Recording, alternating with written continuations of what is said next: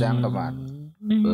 Podcast para para pengangguran yang setahun belum bekerja. Waduh, kok curhat di awal-awal. Enggak apa-apa dong. Saya belum, saya belum. Perkenalkan nama saya Gumilar. Gue moco.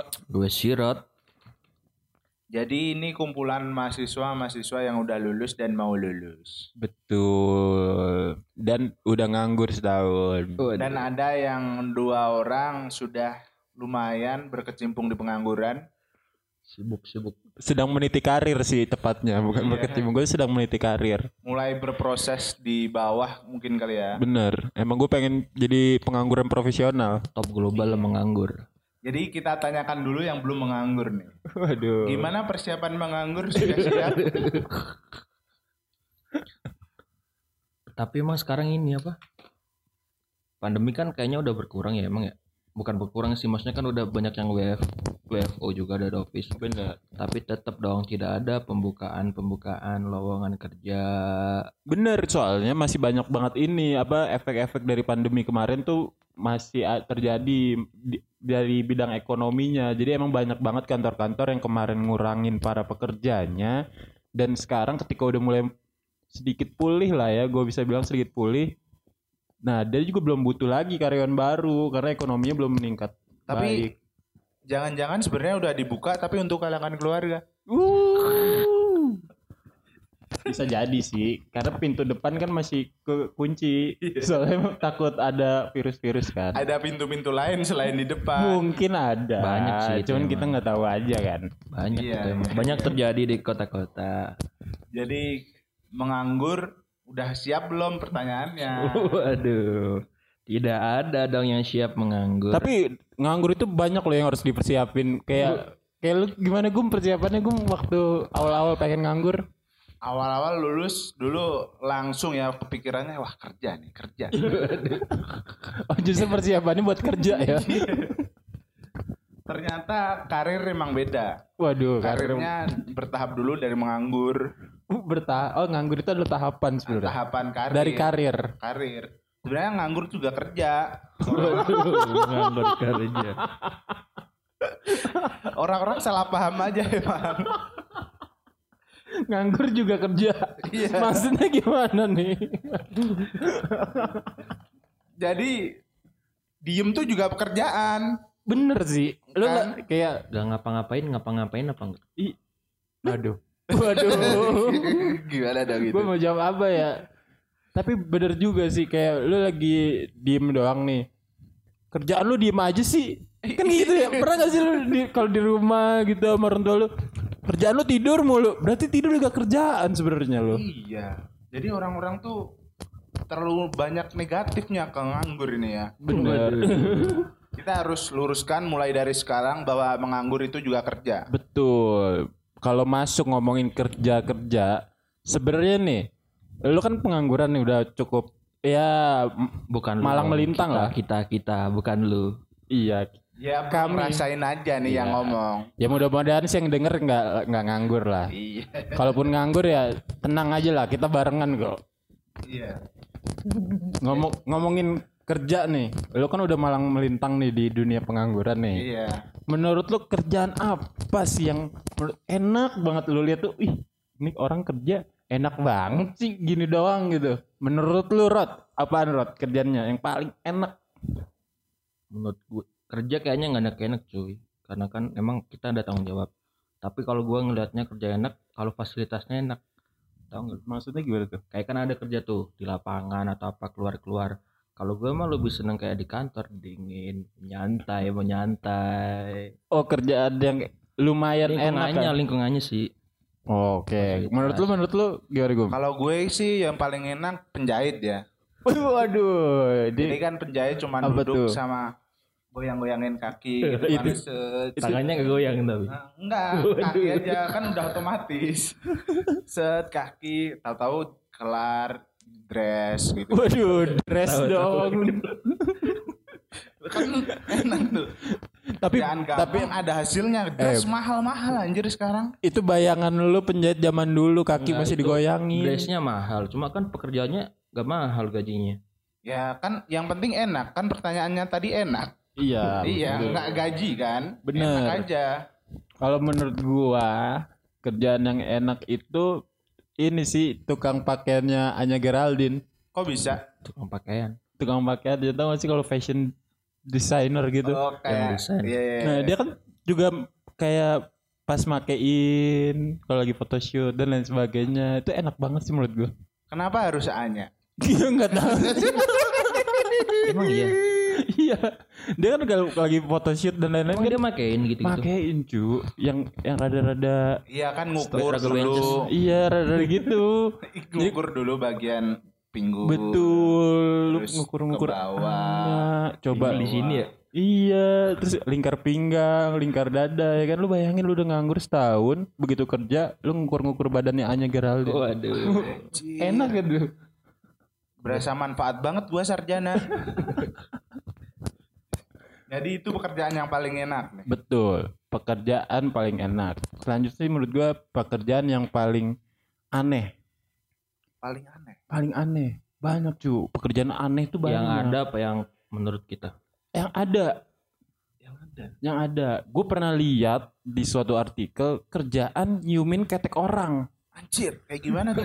Buat apa dong emang ada beneran Iya beneran, beneran. Jadi tujuan tujuannya tuh uji coba deodoran. Jadi Oh. ada suatu kayak brand deodoran gitu, perusahaan deodoran ngolesin deodorannya ke misalkan 10 orang ke ketek 10 orang nih. Dan nanti tuh ada yang analisis bisa bertahan berapa jam, terus baunya berubahnya kayak gimana. Itu ada Anjir. kerjaan kayak gitu. Lu bayangin tiap hari lu kerjaan lu nyiumin ketek orang. Jadi tiap hari ngisepin kata orang tapi dibayar. Dibayar tapi. Anjir. Ini masalahnya kan buat analisis kan maksudnya si deodoran yang masih uji coba. Yang nggak uji coba aja yang udah dipasarin di minimarket minimarket deodorannya masih ada yang gagal loh. Masih yang jadi berubah bau banget kan karena alkoholnya. Ini apalagi yang masih uji coba lo bayangin tuh. Nyiumin ketek orang tuh. Anjir, nggak nggak bisa bayangin itu hidung kayak apa sekarang ya. mungkin dia setiap hari jadi kalau udah nggak kerja itu jadi kecanduan ya waduh. Saya butuh ketek.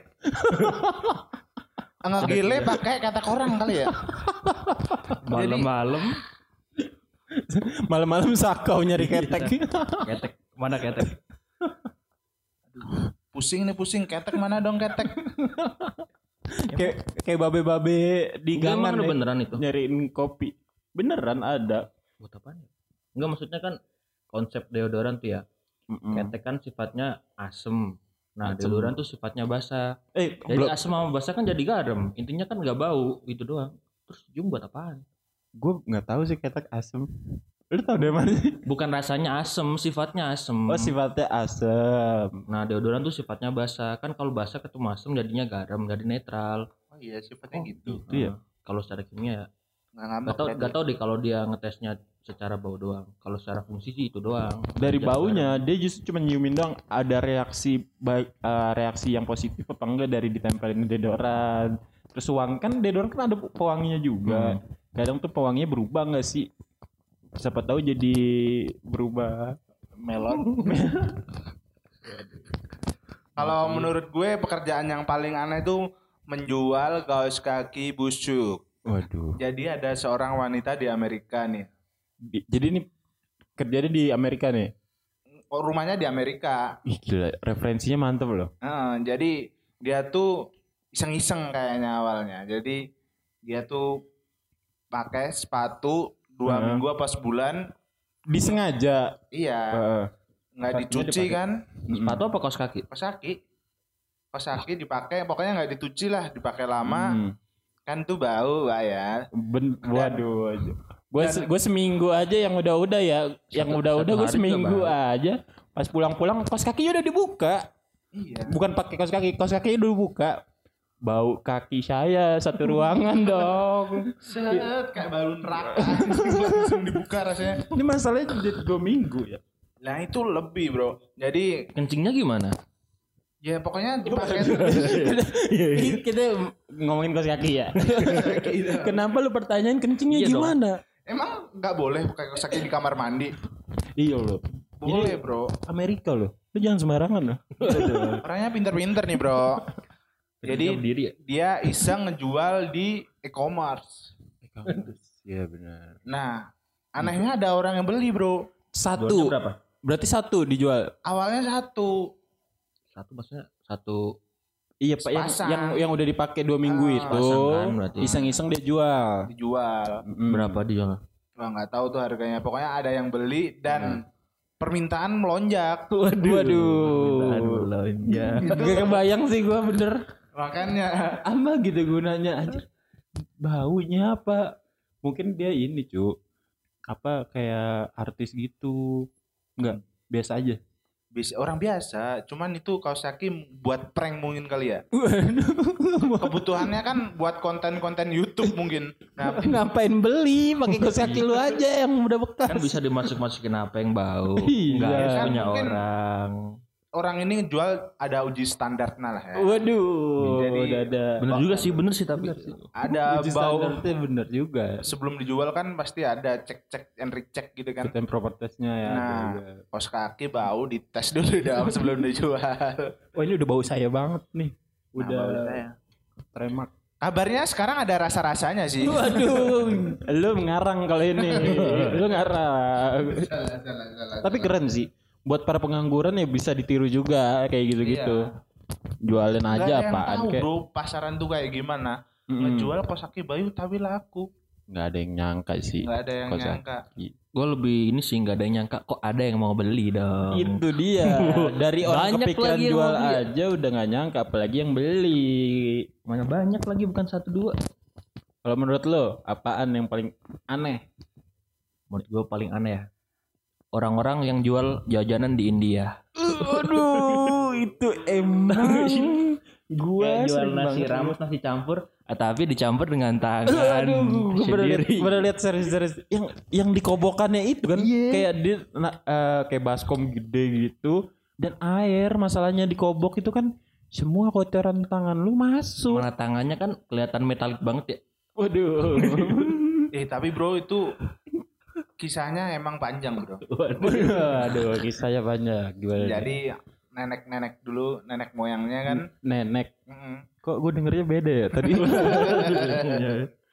Jadi nenek moyangnya tuh belum punya apa-apa bro. Belum punya apa-apa maksudnya miskin. Miskin. Waduh, dibenerin lagi.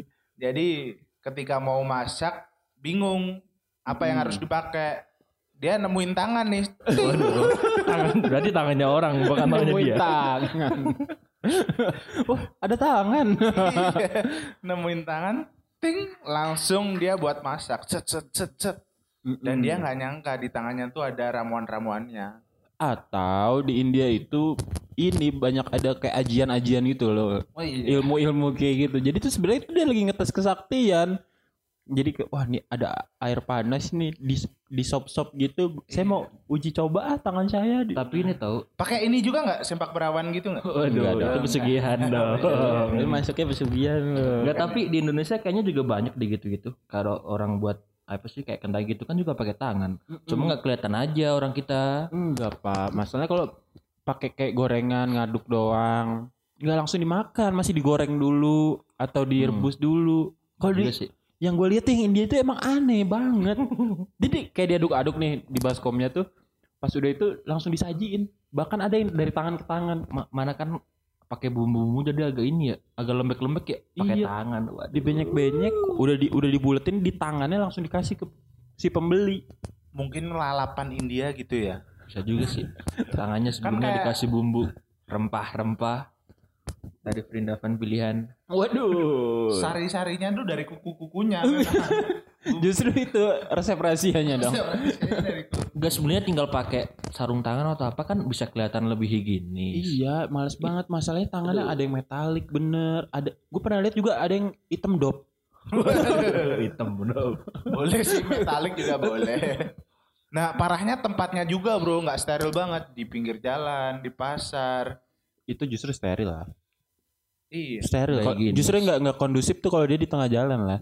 Waduh. Waduh. Kan ada ada Lawakan bapak-bapak pos. debu-debu global warming kan masuk bro, masuk Global warming. pemanasan, Iya kan? Emang mau berenang pemanasan dulu. debu-debu dan efek-efek negatif, head speed masuk semua. Waduh.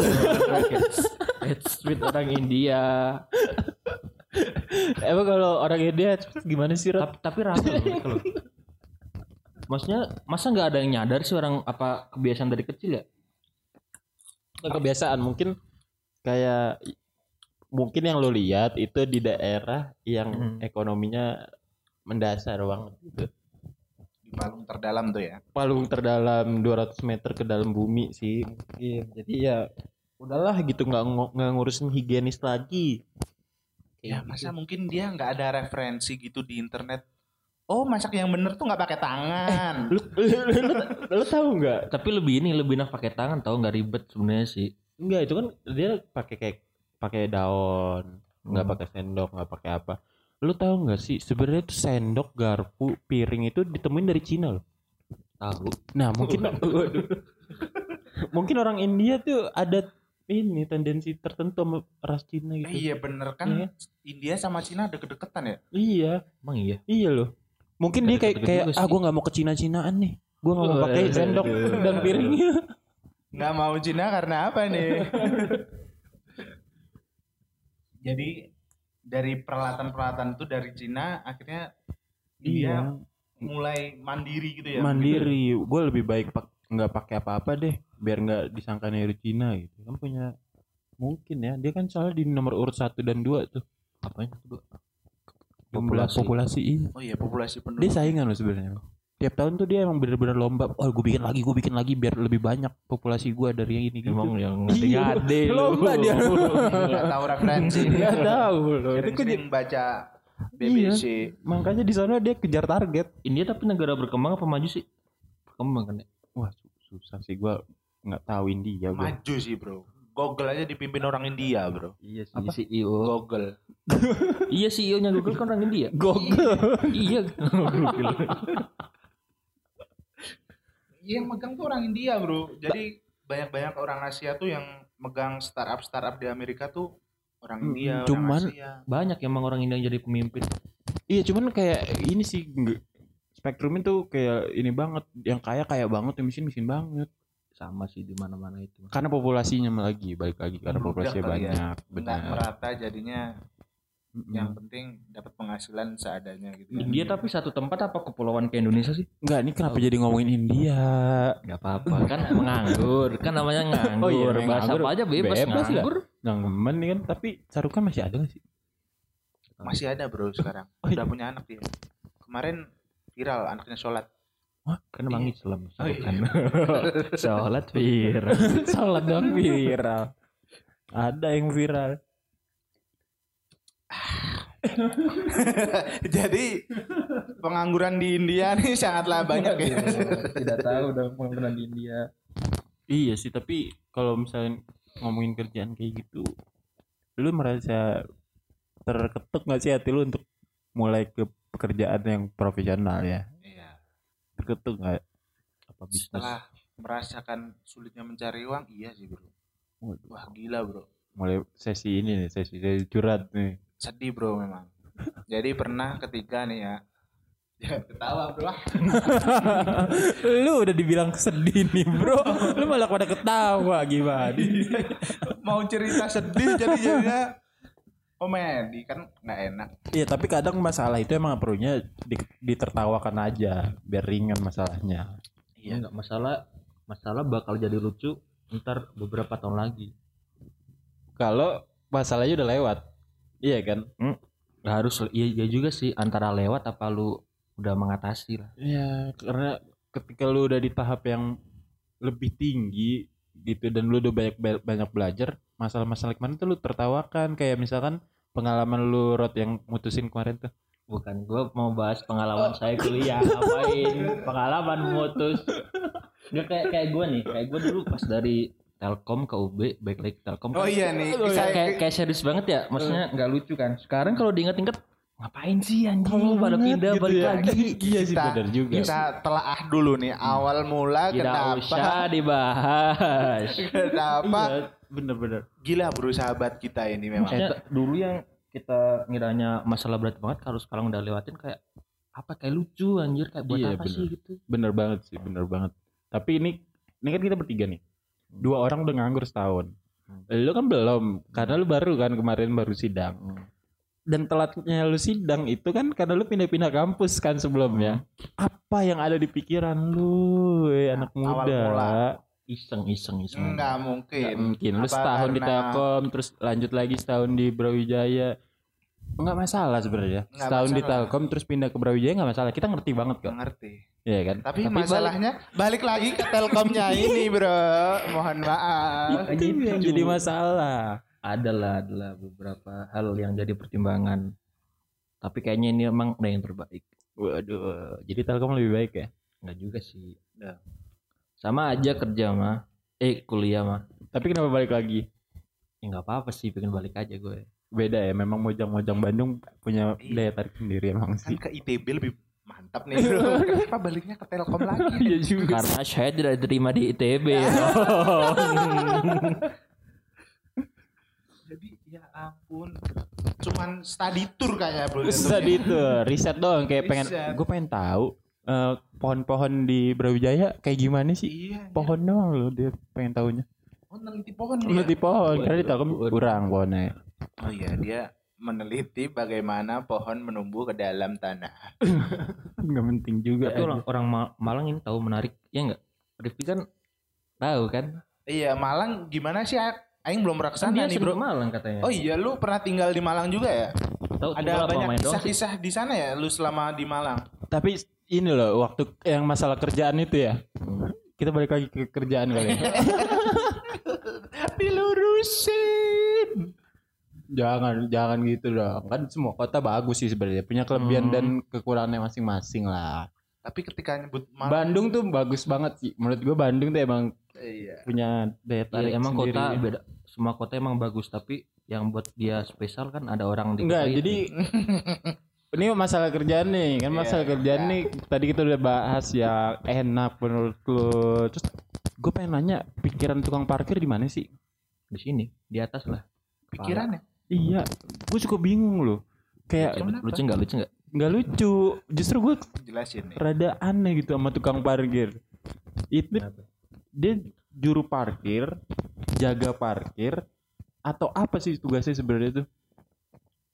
Jadi dia tuh menjaga keamanan, Bro, sebenarnya. Waduh, jaga kamar. Ada tuh yang merangkap satpam sama tukang parkir. iya. Gak pernah gua Ada, Gak pernah ngeliat tukang parkir pakai baju satpam. iya nggak pakai baju maksudnya keamanannya di toko Jadi pekerjaan apa. utamanya itu parkir, side jobnya satpam. Waduh. Jadi dia nyambi gitu, ngambil. menjaga keamanan dan itu kan biasanya parkir-parkir Mm-mm. helm hilang, spion hilang, gitu-gitu parkir bro yang tanggung jawab. Ini kalau kesat pengangguran ya, kalau kesat pengangguran gue punya duit nih dua puluh ribu, Hmm. tinggal dua puluh ribu lu, Hmm. lumayan buat pengangguran lu bro. Ya kan? Eh dua puluh ribu bisa beli apa aja loh bro? iya lu, Iya. serius. Kalau beli cendol banyak loh dua puluh ribu. Banyak. Nah, gue punya dua puluh ribu, gue beli ada lah gitu ya kan. Katakanlah beli rokok gitu. Rokoknya sembilan belas lima ratus. Hmm. Kan sisa gopek buat parkir. Kurang ya? Dan itu ditagi 2000 mas. Oh shit. Tahu nggak sih? Masa gue harus jual lagi itu ke Bagi minimarketnya rokoknya? Tapi yang paling ngeselin kalau kita fotokopi, fotokopi paling cuma berapa halaman. Misalkan dua halaman lah seribu, parkirnya dua ribu. iya. Dan kadang-kadang tukang parkirnya nggak ada nih pas Iya. motor kita ditaruh situ, nggak dijagain. doang lagi pas dateng. Iya, tau-tau prit. Lu udah dari mana nih orang? Eh, ini kerjaannya sangat Ada sangat. juga kafe-kafe yang sering ngebuletin harga. Misal Waduh. harganya 1200 Mm-mm. dikenepin 2000 kan bisa. Ini jauh 3000 dong. dong.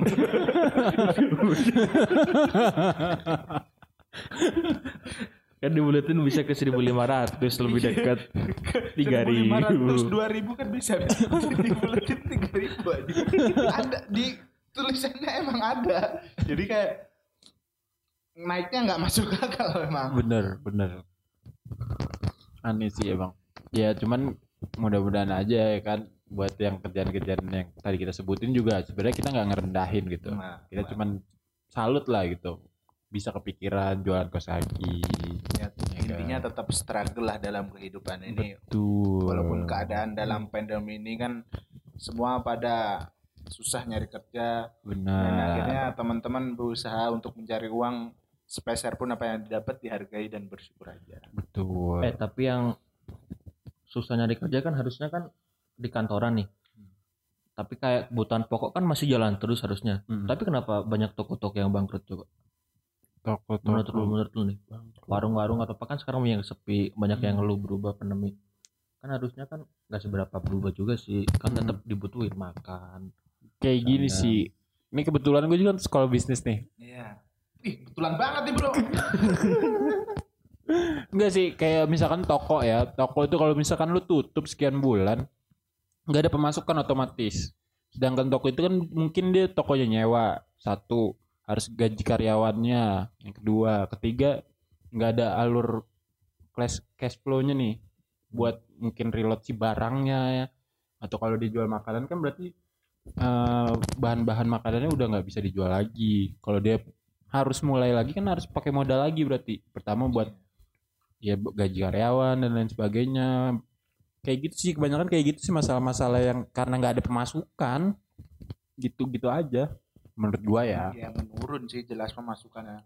Karena kalau barang kan tetap ada pada luarsanya. Bener. Masa aktifnya kan. Nggak bukan cuman yang kayak mikro-mikro gitu doang loh yang Hmm. yang gede-gede juga bisa tutup. Kayak banyak perusahaan yang nge-PHK karyawannya untuk biar apa ya biar pengeluarannya tuh nggak sebanyak hari biasa gitu di ditekan banget budgetnya.